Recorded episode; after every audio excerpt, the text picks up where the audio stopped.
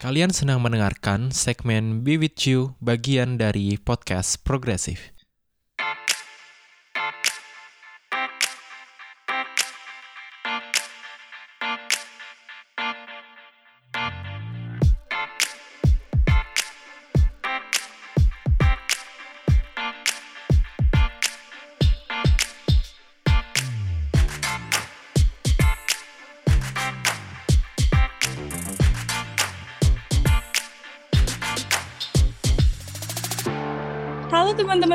Progresif, kali ini kita balik lagi ke podcast progresif sesinya Be With You.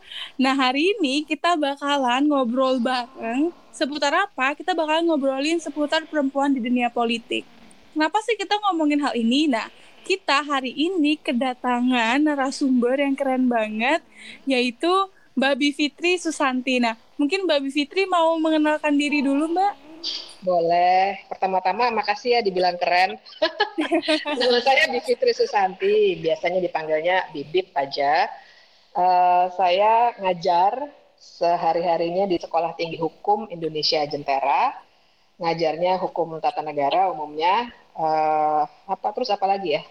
Ya jadi dan dan sering ini sih karena dunia hukum tata negara dengan politik, ngurusin uh, proses legislasi, ngasih komentar juga soal proses legislasi, soal negara hukum, hal-hal seperti itu.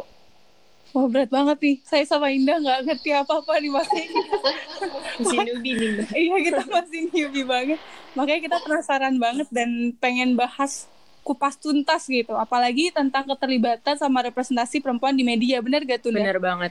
Nah, uh, mungkin uh, aku penasaran banget nih Mbak Mbak Bibip karena kan kalau misalkan ngomongin dunia politik nih sebenarnya nggak begitu banyak orang tahu atau misalkan kayak orang-orang awam kayak kita nih kalau ditanya apa itu politik kita masih suka susah untuk ngejelasin apa itu sebenarnya politik. Mm-hmm. Nah kalau dari Mbak Bibip sendiri sebenarnya apa sih Mbak uh, politik itu?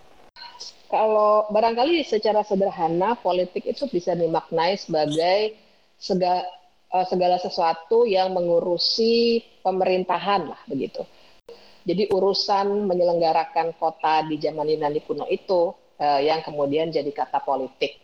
Nah, jadi pada dasarnya sih uh, tentang menjalankan pemerintahan. Jadi dunia pengambilan keputusan, bagaimana kebijakan diputuskan, bagaimana undang-undang dibuat dan lain sebagainya. Gitu. Pada dasarnya barangkali itu ya, tapi secara konkret ya intinya sih uh, uh, yang sehari-hari kita lihat di DPR, di uh, pemerintahan kita, presiden, kabinet, menteri-menteri, itu semua urusan politik. DPRD, Pemda ya dengan segala pro kontranya, kemudian kebijakan COVID misalnya, sebenarnya uh, kebijakan itu juga ada dalam ranah politik karena ada kepentingan yang di manage gitu kan. Dan uh, intinya sih segala sesuatunya supaya warga negara itu bisa mendapatkan hak Oke, berarti bisa dibilang politik, politik itu kebijakan itu, ya, Mbak? Ya, okay. kebijakan. Ya, jadi teman-teman podcast progres kalau ditanya gitu. apa sih politik itu nggak cuma sekedar tulis aja, wah gue, uh, kita paham politik nih, tapi pas ditanya politik itu apa, nggak tahu. Jadi kayak bisa di lebih apa lebih detailnya lagi politik itu adalah kebijakan nah, Mbak. Dengan Mbak Bibip yang sekarang sedang apa mengajar di Sekolah Tinggi Ilmu Hukum Jentera ya Mbak. Uh, pengen banget tahu Mbak, sebenarnya seberapa pentingnya sih kita sebagai perempuan itu ikut berperan dan terlibat gitu di dunia politik Mbak. Pengen banget tahu langkah apa gitu yang seharusnya kita ambil. Nah, ini dia nih yang penting nih. Jadi kita uh, bisa ngobrol panjang di sini. Karena uh, memang politik tadi kan soal yeah. kebijakan, tapi juga lika-liku pembuatannya gitu ya. Uh, banyak juga kalau orang ahli ilmu politik suka bilang politik itu soal kepentingan gitu, kepentingan waktu mau mengambil keputusan soal kebijakan itu. Nah, jadi kalau kita lihat sebenarnya kan banyak sekali kebijakan yang belum uh, melindungi perempuan. Dan kalau kita bicara melindungi perempuan, sebenarnya ada dua hal ya. Yang pertama soal kekerasan yang dialami perempuan, kekerasan berbasis gender istilahnya jadi kekerasan terjadi pada siapa saja, tentu saja. Uh, tapi karena posisi perempuan yang suka dianggap warga negara kelas 2, maka uh, ada karakteristiknya sendiri tuh biasanya dilihat tersendiri bahwa karena dia perempuan dia lebih rentan mengalami kekerasan. Makanya dibilangnya kekerasan berbasis gender gitu. Nah, kemudian yang uh, kedua juga tadi kekerasan ya. Yang kedua itu juga dari uh, kebijakan itu juga cukup banyak yang uh, diskriminatif dalam uh, banyak hal yang melihat bagaimana memang uh, kondisi biologisnya perempuan itu membutuhkan perhatian khusus. Uh, kita kan harus bisa membedakan nih antara uh, orang itu sering kali saya tuh kalau misalnya lagi ngebahas uh, hukum dan perempuan sering kali harus membongkar dulu cara pandang dari awal. Karena sering kali uh, banyak orang yang agak sulit untuk membedakan sebenarnya bedanya laki-laki dan perempuan itu apa sih gitu. Dan terus uh, dari situ kemudian banyak yang bilang ya udahlah hmm, kodrat iya. perempuan kan emang di dapur ya dan seterusnya kayak gitu ya.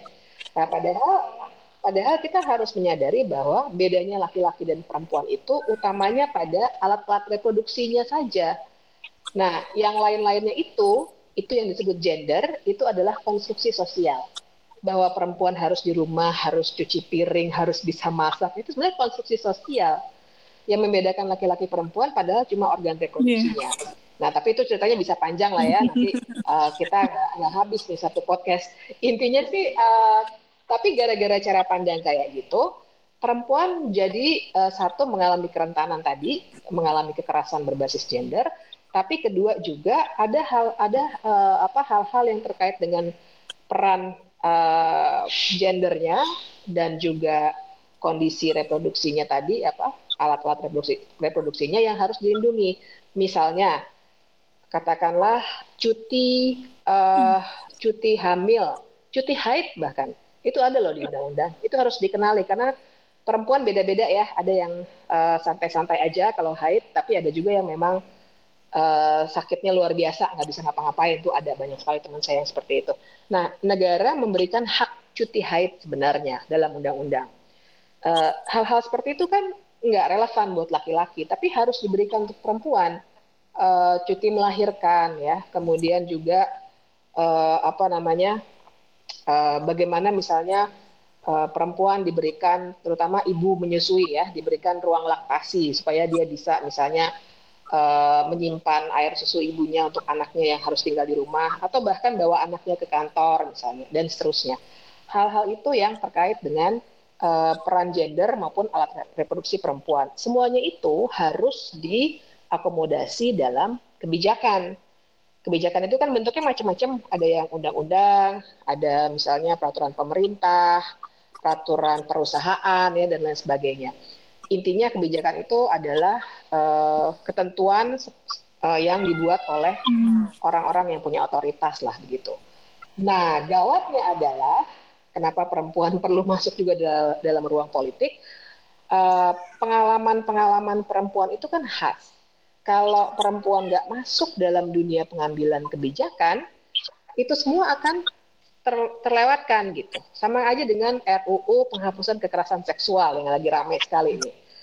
Uh, kalau kita lihat perdebatannya, kadang-kadang miris sekali gitu, karena buat banyak uh, orang yang menolak, dikatakan nggak nggak ada gunanya lah, memang perempuan kenapa harus diatur perempuan eh, dan seterusnya gitu ya, uh, karena mereka tidak melihat relevansinya, karena mereka kebanyakan tentu saja tidak memahami perempuan karena tidak mempunyai pengalaman sebagai perempuan gitu.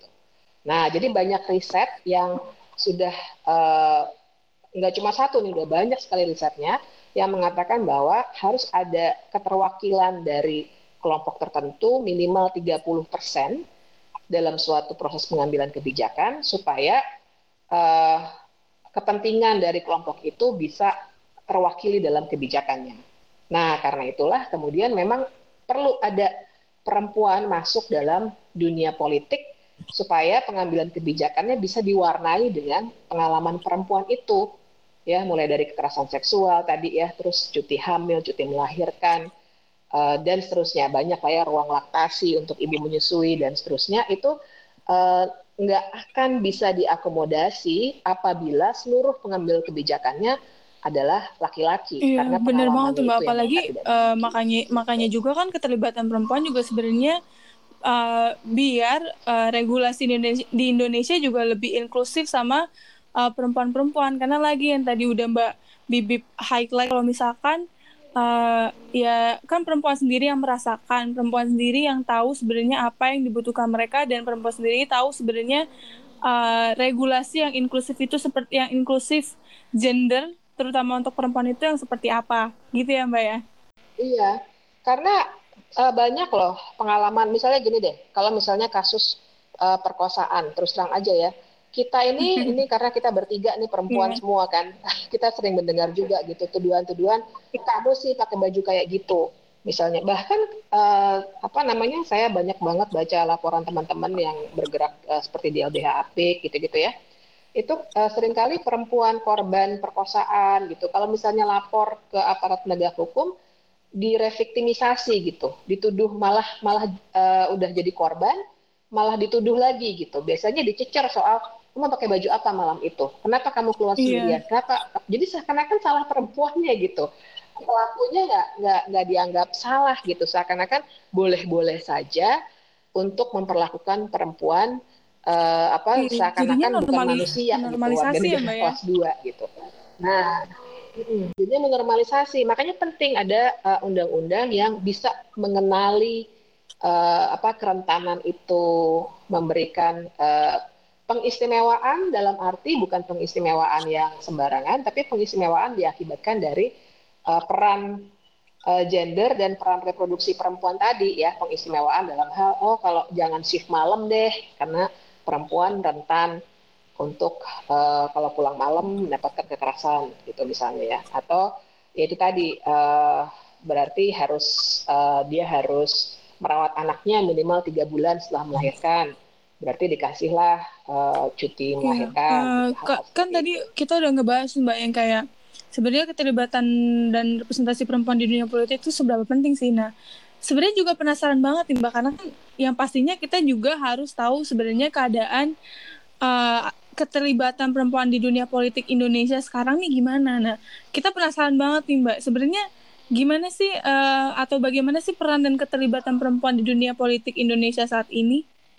uh, saat ini sih menurut saya sudah lumayan ya. Dalam arti begini, kita udah lihat orang-orang kayak Ibu Sri Mulyani gitu kan ya, Bu Susi dulu, sekarang sudah bukan menteri lagi sih, tapi kan dia kita ingat semua ininya ya, kebijakan yang bagus sekali. Terus Ibu Siti Nurbaya, uh, Menteri Lingkungan Hidup, bahkan Ketua DPR sekarang juga perempuan, Ibu Puan Maharani. Nah, uh, tapi uh, kita memang tidak boleh berhenti di figur-figur tertentu gitu. Kita lihat tadi itu 30% itu karena itu riset ya, jadi memang valid begitu sudah sudah terbukti juga secara empirik. Nah, kalau dari segi angka sih sebenarnya tadi saya sempat bikin orat-orat sedikit nih catatan dari uh, apa data dari uh, organisasi namanya Cakrawikara itu dia mencatat bahwa misalnya di DPR RI tahun 2019 pemilu 2019 ini ada 20,52 persen perempuan. Hmm. Jadi sebenarnya masih di bawah 30 persen. Tapi itu hmm. udah lumayan naik. Waktu 2014 itu cuma 17,32 persen. Bahkan 2004 cuma 11,06 persen. Lumayan naik lah ya, tapi masih di bawah 30 persen. Nah, uh, tapi itu satu dari segi jumlah ya. Tapi kan kita juga mesti bicara dari segi dia dalam posisi yang uh, strategis atau tidak untuk mengambil keputusan, gitu. Uh, karena kalau cuma angka, tapi misalnya si anggota uh, walaupun dia perempuan, tapi dia mungkin terpilihnya karena misalnya dia adiknya siapa, istrinya siapa, dan terus anaknya siapa dan seterusnya, mungkin dia sebenarnya nggak aktif berbicara di DPR sebenarnya kan juga jadi nggak terlalu signifikan begitu. Uh, kemudian yang kedua juga kita mesti lihat selain posisi tadi ya, misalnya uh, apakah perempuan perempuan-perempuan itu juga memahami pentingnya punya uh, legislasi yang pro perempuan gitu. Karena banyak juga loh perempuan yang nggak paham kenapa dia mesti masuk ke dunia politik karena ya cuma ngincer jabatan gitu ya atau enggak cuma memenuhi uh, kuota karena memang ada kebijakannya juga. Ini udah lumayan bagus makanya saya bilang tadi kebijakannya adalah ada kewajiban dari KPU untuk menempatkan 30% perempuan di daftar calon tetap. Itu daftar calon tetap itu daftar yang kita siap coblos kalau mau pemilu gitu di setiap daerah pemilihan. Kemudian ada ketentuan juga dari uh, Kementerian Hukum dan HAM supaya partai politik itu 30% dari pengurus pusatnya itu harus perempuan kalau mau jadi peserta pemilu. Nah, uh, itu yang membuat angka dari segi angka lumayan baik gitu. Cuma kan jangan-jangan uh, ada juga partai-partai politik yang cuma menempatkan perempuan asal untuk memenuhi nah, ketentuan-ketentuan tadi gitu. Sehingga sebenarnya uh, yeah. mungkin aja kan. Kita juga nggak boleh kayak yang mendewa-dewakan. Kalau perempuan pasti ngerti Bener. belum tentu loh.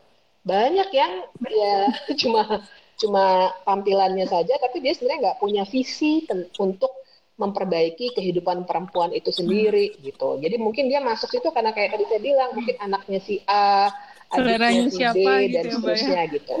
Oh, yang penting memenuhi 30 persen kan iya, sayang banget. Karena gitu. aku juga ngelihat kayak apa ya, kayak banyak banget gitu uh, orang-orang yang menduduki posisi strategis, terutama perempuan, ternyata justru nggak ngerti tentang uh, regulasi atau tentang visi misi yang dia bawa atau seberapa pentingnya buat regulasi yang inklusif gender dan bahkan bisa aku bisa bisa menyimpulkan ada beberapa atau bahkan kebanyakan yang jadinya jatuhnya cuma formalitas yang penting memenuhi 30% itu. Itu sangat disayangkan banget ya mbak ya. Padahal kan itu strategis strategisnya perempuan nih dikasih kesempatan sama pemerintah buat uh, menduduki posisi strategis supaya bisa terlibat di dalam dunia politik dan membentuk Indonesia yang lebih inklusif sama gender tapi malah akhirnya dijadiin uh, formalitas saja yang penting ada perempuannya.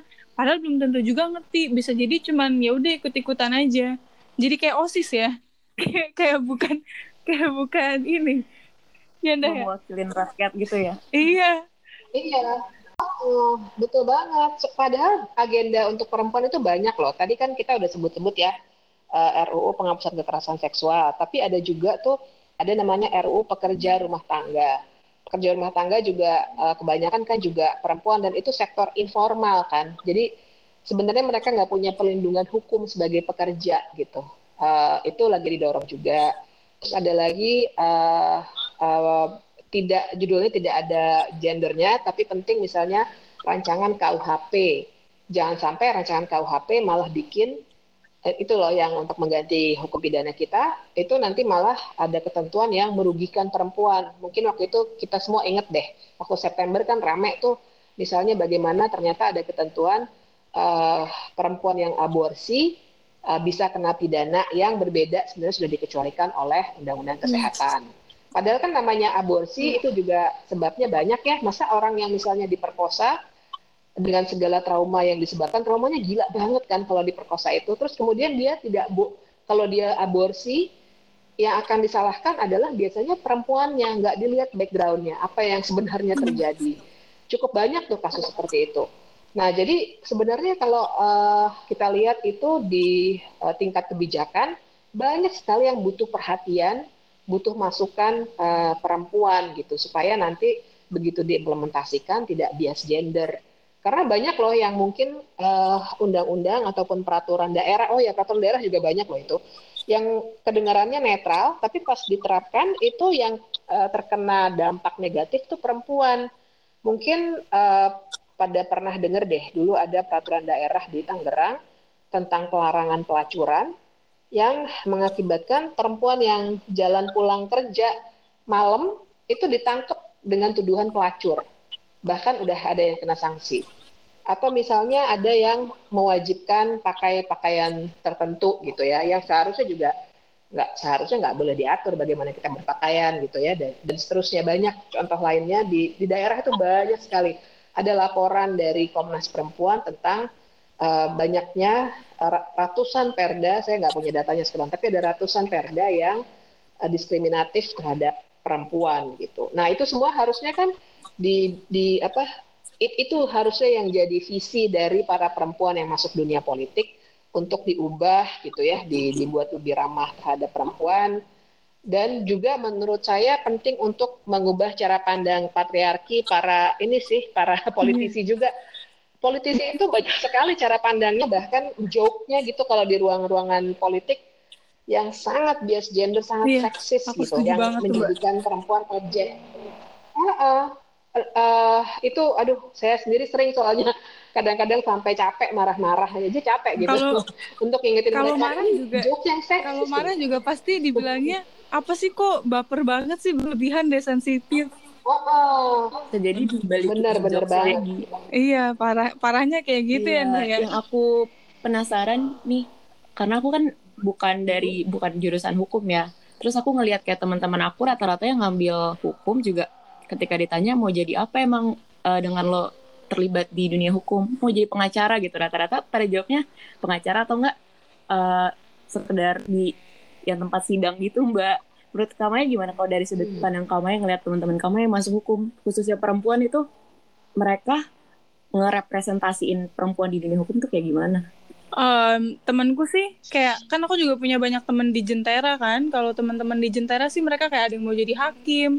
Terus banyak sih kalau kalau di sana ya. Cuman karena nggak begitu punya banyak temen yang jurusan hukum kayak di uh, universitas lain, jadi nggak begitu tahu. Cuman kalau teman-teman di Jentera sendiri sih mereka punya bervariasi yang menurut menurutku udah udah sangat mere- merepresentasikan perempuan gitu. Nah eh, sebenarnya juga yang yang mesti diobrolin juga kan seberapa aware juga nih anak muda mau terlibat. Apalagi tadi kayak Benar. sebenarnya uh, banyak juga yang tertarik kayak misalkan kita kita nih yang aktivis gitu.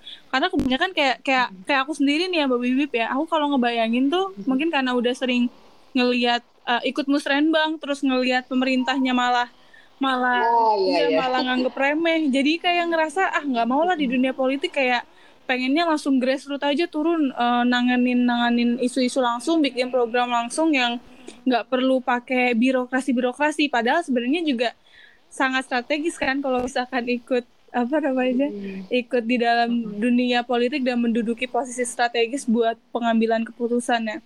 Sebenarnya kalau kalau kalau menurut Mbak Bibip sendiri apa aja sih tantangan yang dihadapin perempuan saat di dunia politik?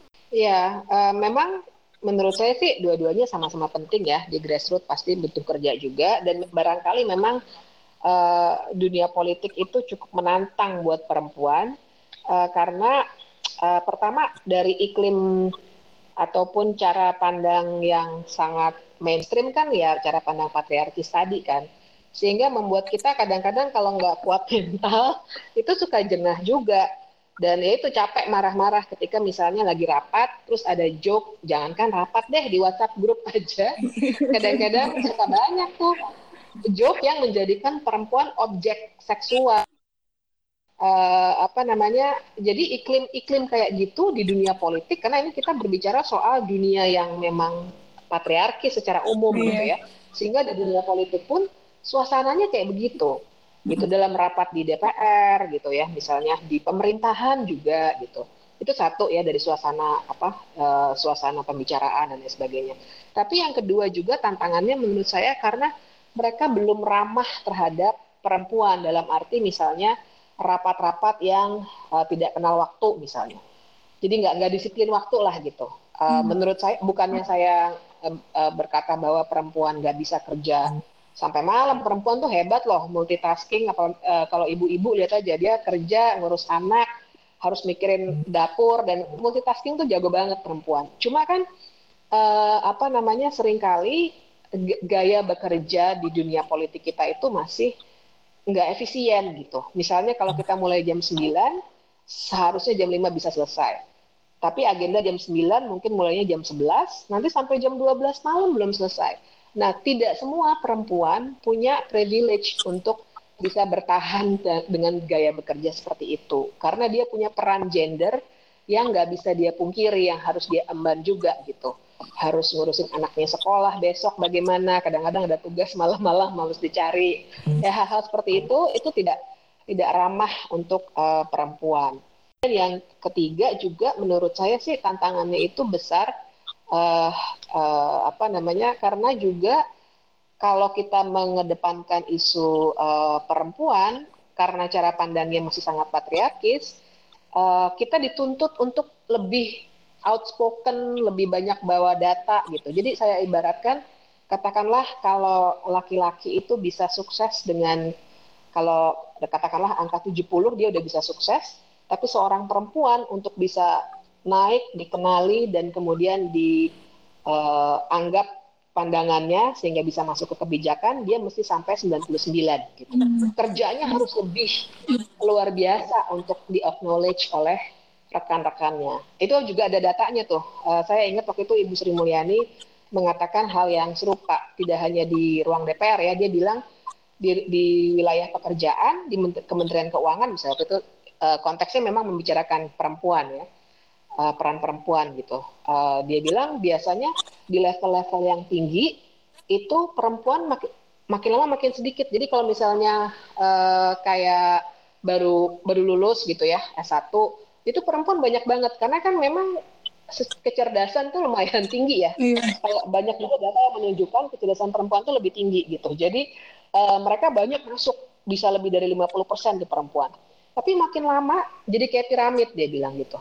Uh, makin lama pada jabatan yang makin tinggi uh, jumlah perempuan makin sedikit. Kenapa? Karena dia sering kali dituntut untuk menjalankan peran gendernya. Terus juga misalnya dituntut, dituntut oh, uh, setelah menikah, setelah punya anak berhenti kerja ya, misalnya gitu ya. Kan ada tuh kayak gitu kayak gitu.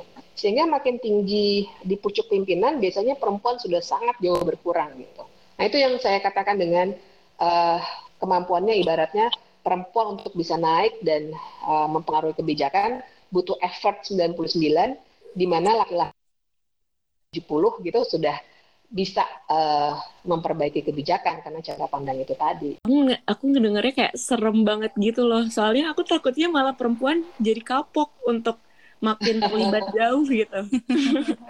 Iya itu sih, uh, jangankan soalnya kan gini politik yang makin lama makin nggak nggak nggak sehat ini, uh -huh. saya bilang aja gitu yang nggak sehat, itu bikin anak muda sekarang kayaknya banyak yang ini nggak sih banyak yang skeptis gitu ya. Iya, bener, banyak yang kayaknya yang ya jauh-jauh aja dari politik brengsek brengsek nih tentang politik gitu. Aku aja skeptis oh, banget mbak.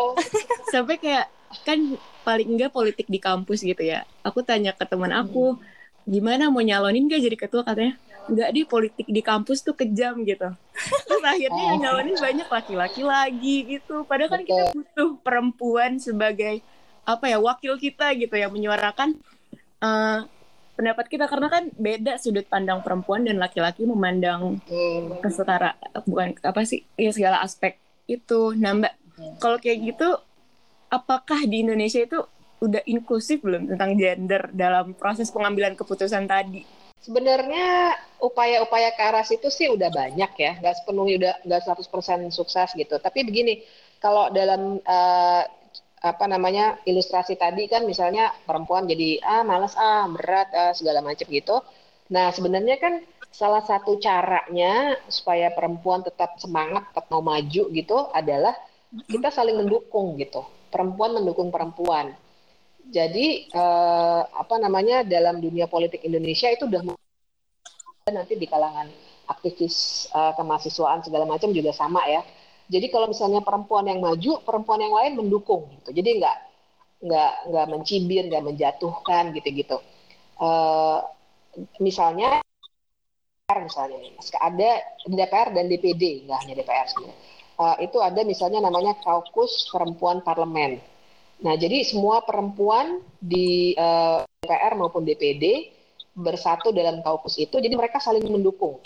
Ada misalnya satu yang anggota Komisi 8 kemarin, wah ternyata RUU PKS-nya di tidak jadi prioritas lagi kan, wah langsung uh, apa namanya anggota kaukus perempuan yang lain menduk uh, memberikan data, ngasih kampanye, connect dengan teman-teman aktivis di luar parlemen gitu-gitu. Nah, jadi ini ini lumayan membantu gitu. Jadi di bayangan saya di kalangan di semua ruang politik sih mestinya memang uh, sesama perempuan itu mesti saling membantu gitu ya supaya uh, tidak hanya dari soal data tapi juga jaringan uh, dorongan supaya lebih uh, maju karena tadi saya bilang effortnya gede banget buat perempuan untuk bisa maju gitu.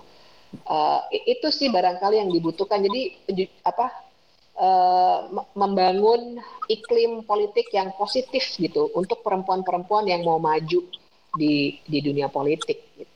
Iya kadang kar karena kadang juga yang bikin perempuan gak maju karena lingkungan lingkung beberapa lingkungan yang toksik dan juga kadang nggak inklusif buat perempuannya jadi kayak karena gimana ya mbak ya kayak aku kan juga di uh, jadi aku tuh awal-awal aktivis itu kan di forum anak ya forum anak kabupaten Bogor terus juga hmm. yang pastinya kan ketemu sama orang-orang dinas terus ketemu sama orang-orang pemerintahan kayak gitu. Nah kadang tuh ngelewatin beberapa proses atau misalkan ngobrol sama orang dewasa yang mereka menduduki posisi yang strategis mereka kadang suka apa ya? Suka kayak suka kayak udah ah apa sih anak-anak muda nih? Nggak jelas. Apalagi uh, posisinya kayak waktu itu aku perempuan kan. Kayak aku pernah waktu itu ikut musrenbang tahun lupa deh tahun berapa tapi masih SMA waktu itu. Jadi aku tuh satu-satunya orang yang pakai seragam SMA di uh, ruang musrenbang itu yang lainnya tuh seragam dinas lah pokoknya.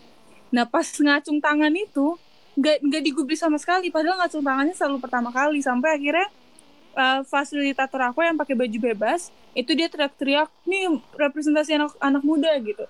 Langsung di langsung dikasih langsung dikasih izin sama si siapa sama si sekretaris uh, kayak kalau nggak salah itu sekretaris daerah terus uh, dia ngasih ngasih kayak ngasih kesempatan fasilitator forum anak untuk ngomong dan ternyata fasilitator forum anak itu kan laki-laki ya terus dia ngelempar kesempatan itu ke aku untuk ngomong kira-kira aku mau ngasih masukan apa sih dalam musrenbang itu. Jadi dari situ aja yang bikin aku skeptis banget uh, segitu aja dalam musrenbang semuanya isinya orang dewasa aku paling kecil dianggap nggak tahu apa apa sedangkan di dalam musrenbang aja kan ketentuannya harus melibatkan representasi anak gitu.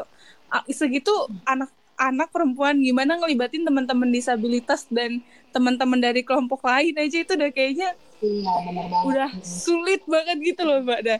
Kira-kira menurut mbak sendiri siapa sih yang bertanggung jawab dalam ketidaksetaraan yang sebenarnya terjadi dalam dunia politik ini wah pertanyaannya berat nih. Siapa yang bertanggung jawab? Mungkin oh, soalnya kalau bicara siapa yang bertanggung jawab saya kira semuanya sih. Maksudnya hmm. semuanya dalam arti begini. Itu semua kan lahir dari cara pandang yang uh, patriarkis tadi dan diskriminatif gitu. Kan sebenarnya yang tadi diceritain itu bukan bukan uh, bukan hanya soal perempuan tapi juga soal umur gitu ya. Berarti iya. pengalaman kamu sama banget tuh sama saya dulu. Saya kan mulai riset-riset ini dari umur 20-an awal juga waktu pertama kali itu gak dianggap sama sekali mana perempuan jadi wah pokoknya lelah sekali lah waktu itu. nah, uh, jadi kalau menurut saya sih itu karena cara pandang uh, apa? Jadi nggak bisa nunjuk satu dua orang begitu, tapi memang cara pandang masyarakat kita yang kita generalisasi aja ya. Secara umum menurut saya masih sangat patriarkis itu dan masih diskriminatif gitu. Jadi nggak uh, nggak mampu untuk melihat Eh, perbedaan-perbedaan gitu orang yang masih muda orang yang berbeda gender orang yang mungkin punya uh, disabilitas dan itu nggak mereka nggak mampu mengasumsikan bahwa semua orang uh, apa namanya kompetisinya sama karena ya semuanya normal-normal aja gitu. Jadi kalau menurut saya sih mungkin kita memang mesti mulai. Menurut saya makanya saya senang banget diajak podcast ini karena buat saya generasi muda gitu yang udah mulai mesti ngebongkar cara pandang itu yang mesti ngomong out loud.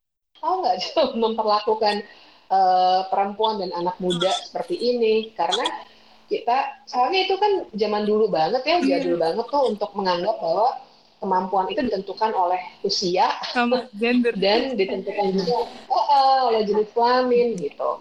Uh, jadi buat saya uh, salahnya salah semua orang dan salah pendidikan kita barangkali yeah. ya. Jadi uh, saya kira melalui pendidikan-pendidikan uh, dan pendidikan kan juga ada yang informal ya seperti kita lewat media sosial lewat podcast kayak gini sebenarnya kita lagi memberikan pendidikan ke teman-teman dan mungkin juga uh, yang nggak seumuran tapi ngedenger atau membaca pandangan kita untuk mulai menyadari bahwa itu udah nggak zaman lagi untuk memandang kemampuan seseorang dari umur dan jenis kelamin. gitu. Jadi uh, ya kita sih karena itu persoalan cara pandang.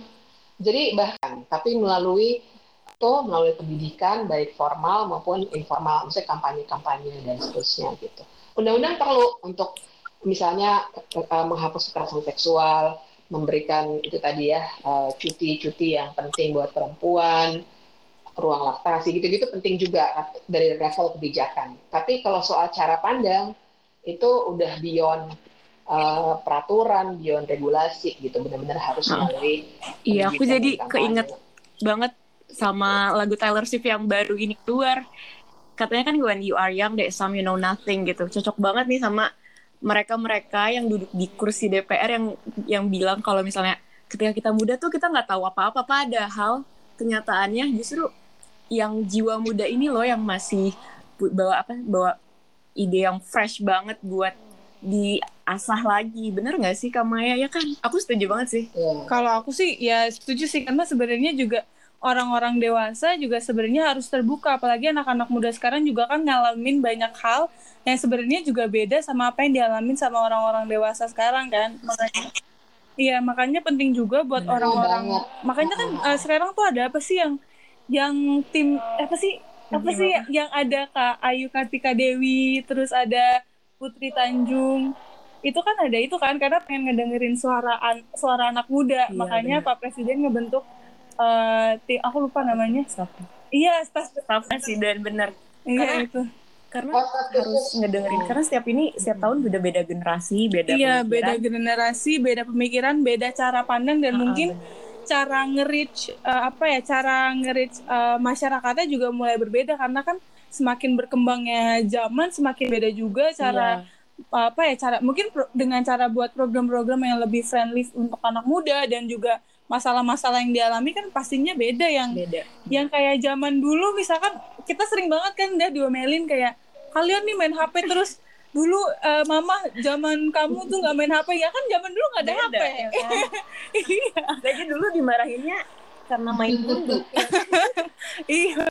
Udah udah beda udah beda orang kan Yanda ya. Iya kalau gitu nih penasaran banget gak sih solusinya tuh gimana iya. kayak udah kesel banget gitu kita penasaran banget sih mbak solusi atau iya. saran gitu lah dari ya isu-isu kayak begini Iya, uh, pertama kalau saya sih punya uh, punya anggapan bahwa orang-orang itu justru nggak nganggap teman-teman yang muda dan uh, perempuan justru karena mereka sebenarnya uh, punya inferiority complex gitu. Mereka tahu mereka udah outdated, mungkin punya informasi yang udah nggak keren lagi, jadi malah menghalangi orang-orang yang mungkin sebenarnya punya potensi. Mereka tahu gitu bahwa anak-anak muda ini sebenarnya punya potensi besar nih lama-lama gue kalah ya. anak muda gitu dengan mulai dari awal uh, uh, ada loh orang-orang yang kayak gitu uh, dan jadi jadi menurut saya sih kalau ditanya solusi uh, pertama menurut saya pendidikan politik kita ya yang udah jangan jangan ditabukan gitu politik. Kalau kalau saya sih merasa kalau tidak generasi saya ya generasi saya itu dulu dijauhkan banget gitu dari politik. Jadi kita juga gagap politik begitu mau harus bukannya sekedar mau sih tapi harus masuk to some extent ya. Maksudnya saya bukan anggota DPR tapi kan to some extent saya juga memasuki dunia politik ketika misalnya ngasih masukan ke DPR atau ngasih komentar ke media massa gitu kan. Sebenarnya masuk dunia politik juga tapi uh, begitu uh, harus masuk ke dunia politik kita tuh gagap dan uh, jadi ya inilah uh, nggak nggak nggak punya pengalaman sama sekali gitu. Nah jadi menurut saya pendidikan politik kita juga mesti digalakkan dari awal. Jadi kayak civics tuh ya. Jadi daripada saya nggak tahu sekarang berarti si PKPN ya namanya ya pendidikan yeah. keluarga negaraan. PPKN, PPKN misalnya. Ketimbang mempelajari hal-hal yang sifatnya sangat dogmatis, mendingan diajari ya, cara misalnya berpikir kritis gitu how to always question everything gitu. Kalau di Jentera saya saya ngajarin itu berpikir kritis. Nah, terus uh, uh, misalnya untuk berpikir uh, kritis mempertanyakan segala hal. Jadi pendidikan politiknya ke situ.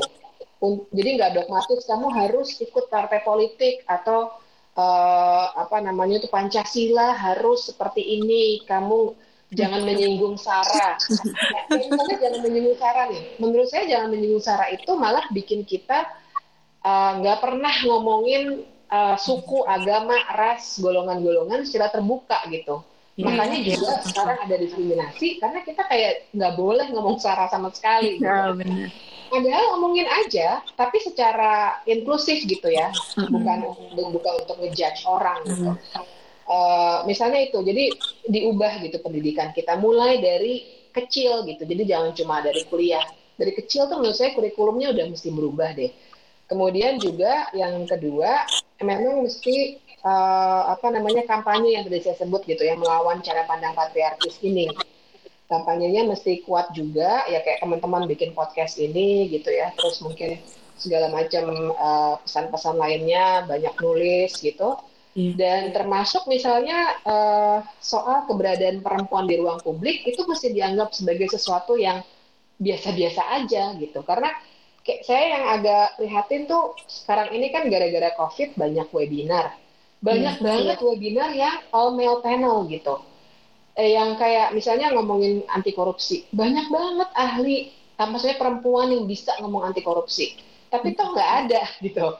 Atau hmm. ngomongin pendidikan ngomongin banyak hal itu banyak banget uh,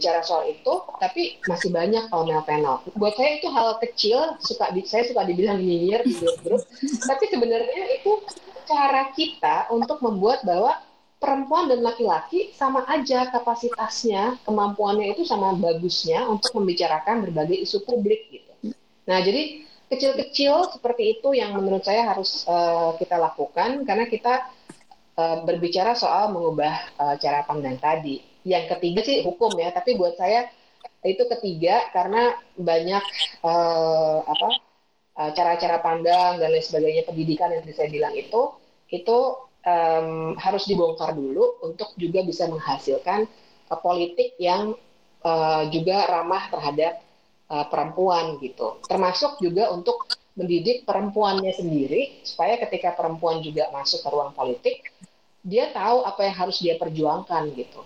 Seorang perempuan bisa jago banget dalam dunia uh, politik, dunia hukum tata negara atau apa pun.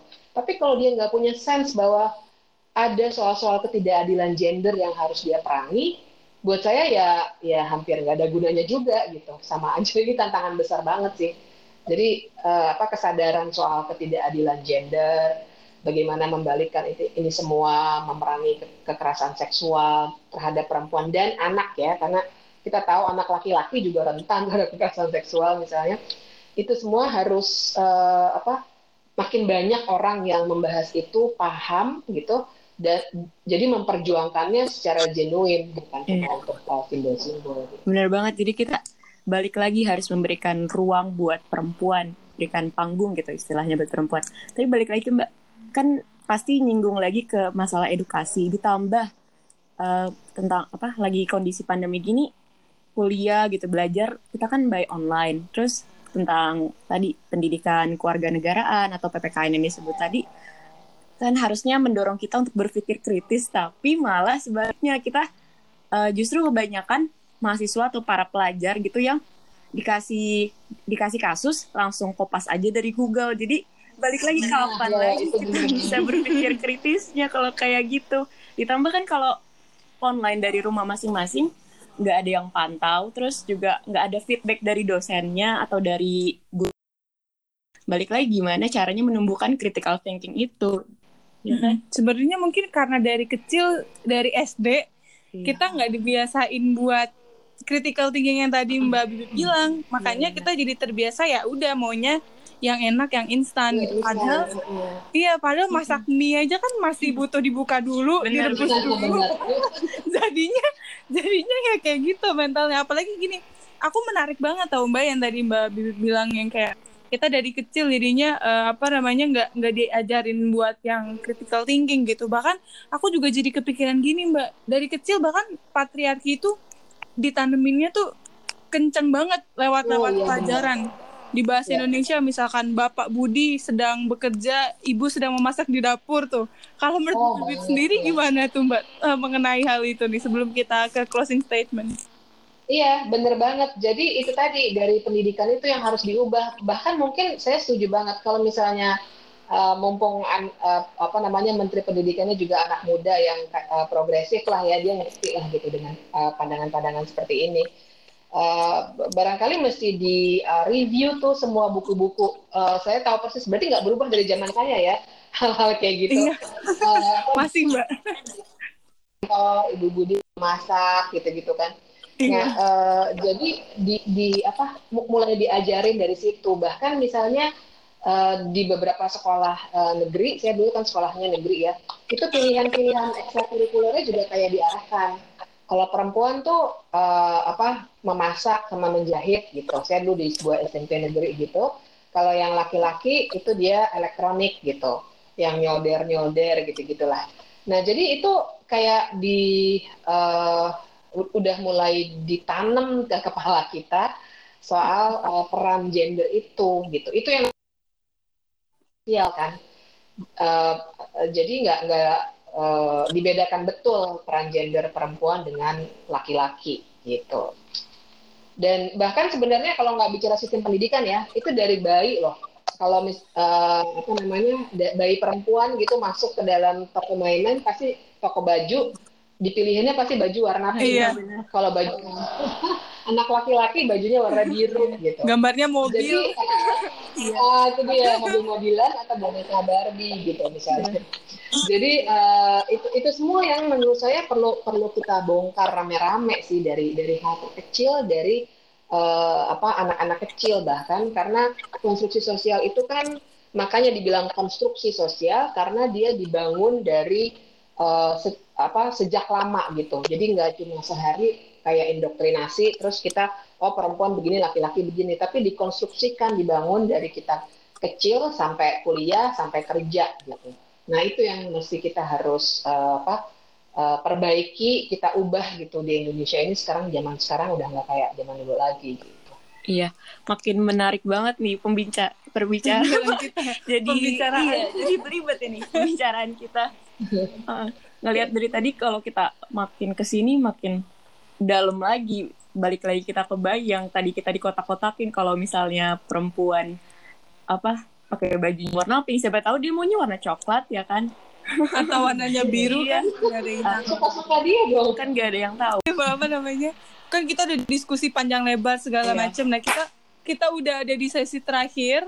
Uh, kita mau mm -hmm. langsung aja ke closing statement dari Mbak Bibip dan dari Indah sama sekarang uh, kalau dari tadi kita diskusi kan kita udah diskusi dari ternyata dari kecil kita nih udah dapat banyak banget uh, stereotip yang akhirnya yeah.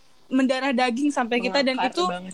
itu susah banget buat dibedah lagi apalagi ini udah jadi behaviornya kita gitu kan kira-kira kalau closing statementnya Mbak Bibip untuk podcast uh, episode 15 ini apa Mbak silahkan ya Uh, mungkin closing statement saya ingin menegaskan ke topik awal kita tadi ya, uh, karena kalau bicara soal perempuan memang bisa panjang banget, tapi kita tadi waktu awal berbicara berangkatnya dari soal politik perempuan di dunia politik.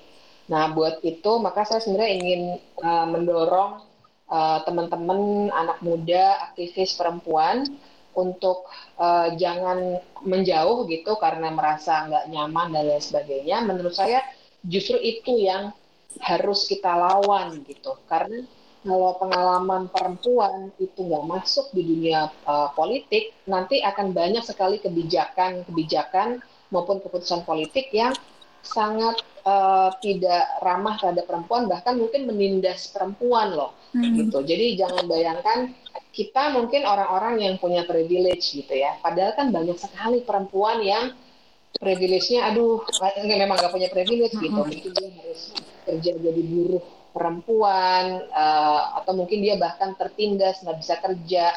Dan biasanya juga uh, kalau misalnya laki-laki sama perempuan dalam satu keluarga apa uh, adik kakak gitu pasti yang akan didahulukan pendidikannya biasanya yang laki-laki. Karena dianggapnya dia akan membiayai keluarganya. Yang perempuan buru-buru dikawinin aja gitu kan.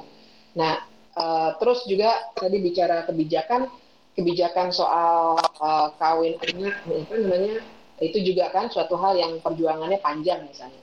Itu jadi contoh bagaimana kalau uh, kebijakan politik itu nggak dipengaruhi oleh teman perempuan. Uh, sekarang udah lumayan kita udah punya keberhasilan dalam konteks pelarangan kawin anak gitu-gitu ya.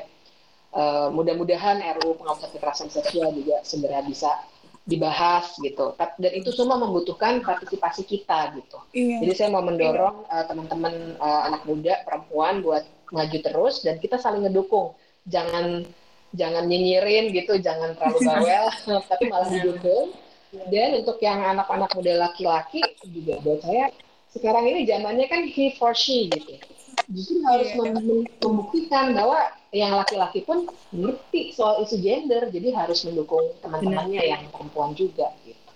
Iya, aku setuju banget sih. Maksudnya nggak dari sisi perempuan aja yang harus harus sadar gitu, tapi dari sisi laki-lakinya jadi bisa kita sama-sama supaya mewujudkan uh, keterlibatan perempuan itu sendiri di dunia politik tadi. Nah, tapi kalau dari aku sendiri sih sebagai anak muda, pastinya kita harus lebih apa ya, lebih proaktif lagi. Justru dengan masa kita pandemi di rumah ini, terus kita selalu pakai sosial media, banyak banget kan info-info tentang uh, apa representasi perempuan itu sendiri. Nah, mulailah dari situ kita bisa bisa cari tahu kenapa sih gitu sambil di waktu luang kita daripada tetap apa rebahan-rebahan aja kan pasti kita bisa ngulik lagi isu-isu yang lagi dibahas gitu biar kita tuh makin sadar tentang tentang keterlibatan kita tuh seperti apa ya kalau dari kamu gimana kalau dari aku sih yang paling penting untuk menciptakan uh, dunia yang uh, gak usah dunia deh Indonesia yang uh -huh. inklusif atau lingkungan sekitar yang inklusif gender itu ya yang pastinya uh, kita harus mengedukasi perempuannya sendiri supaya sadar kalau misalkan mereka itu punya hak dan juga uh, mereka itu bisa loh me, apa namanya terlibat langsung di dalam dunia politik dan membawa perubahan positif buat uh, lingkungan sekitar. Dan yang pastinya juga keterlibatan laki-laki dalam uh, keterlibatan laki-laki dalam mendorong dan memberikan ruang untuk perempuannya sendiri. Karena kalau misalkan perempuannya udah sadar dan juga udah aware kalau misalkan kita punya hak dan juga bisa ber lakinya berikan ruang itu juga akan jadi masalah.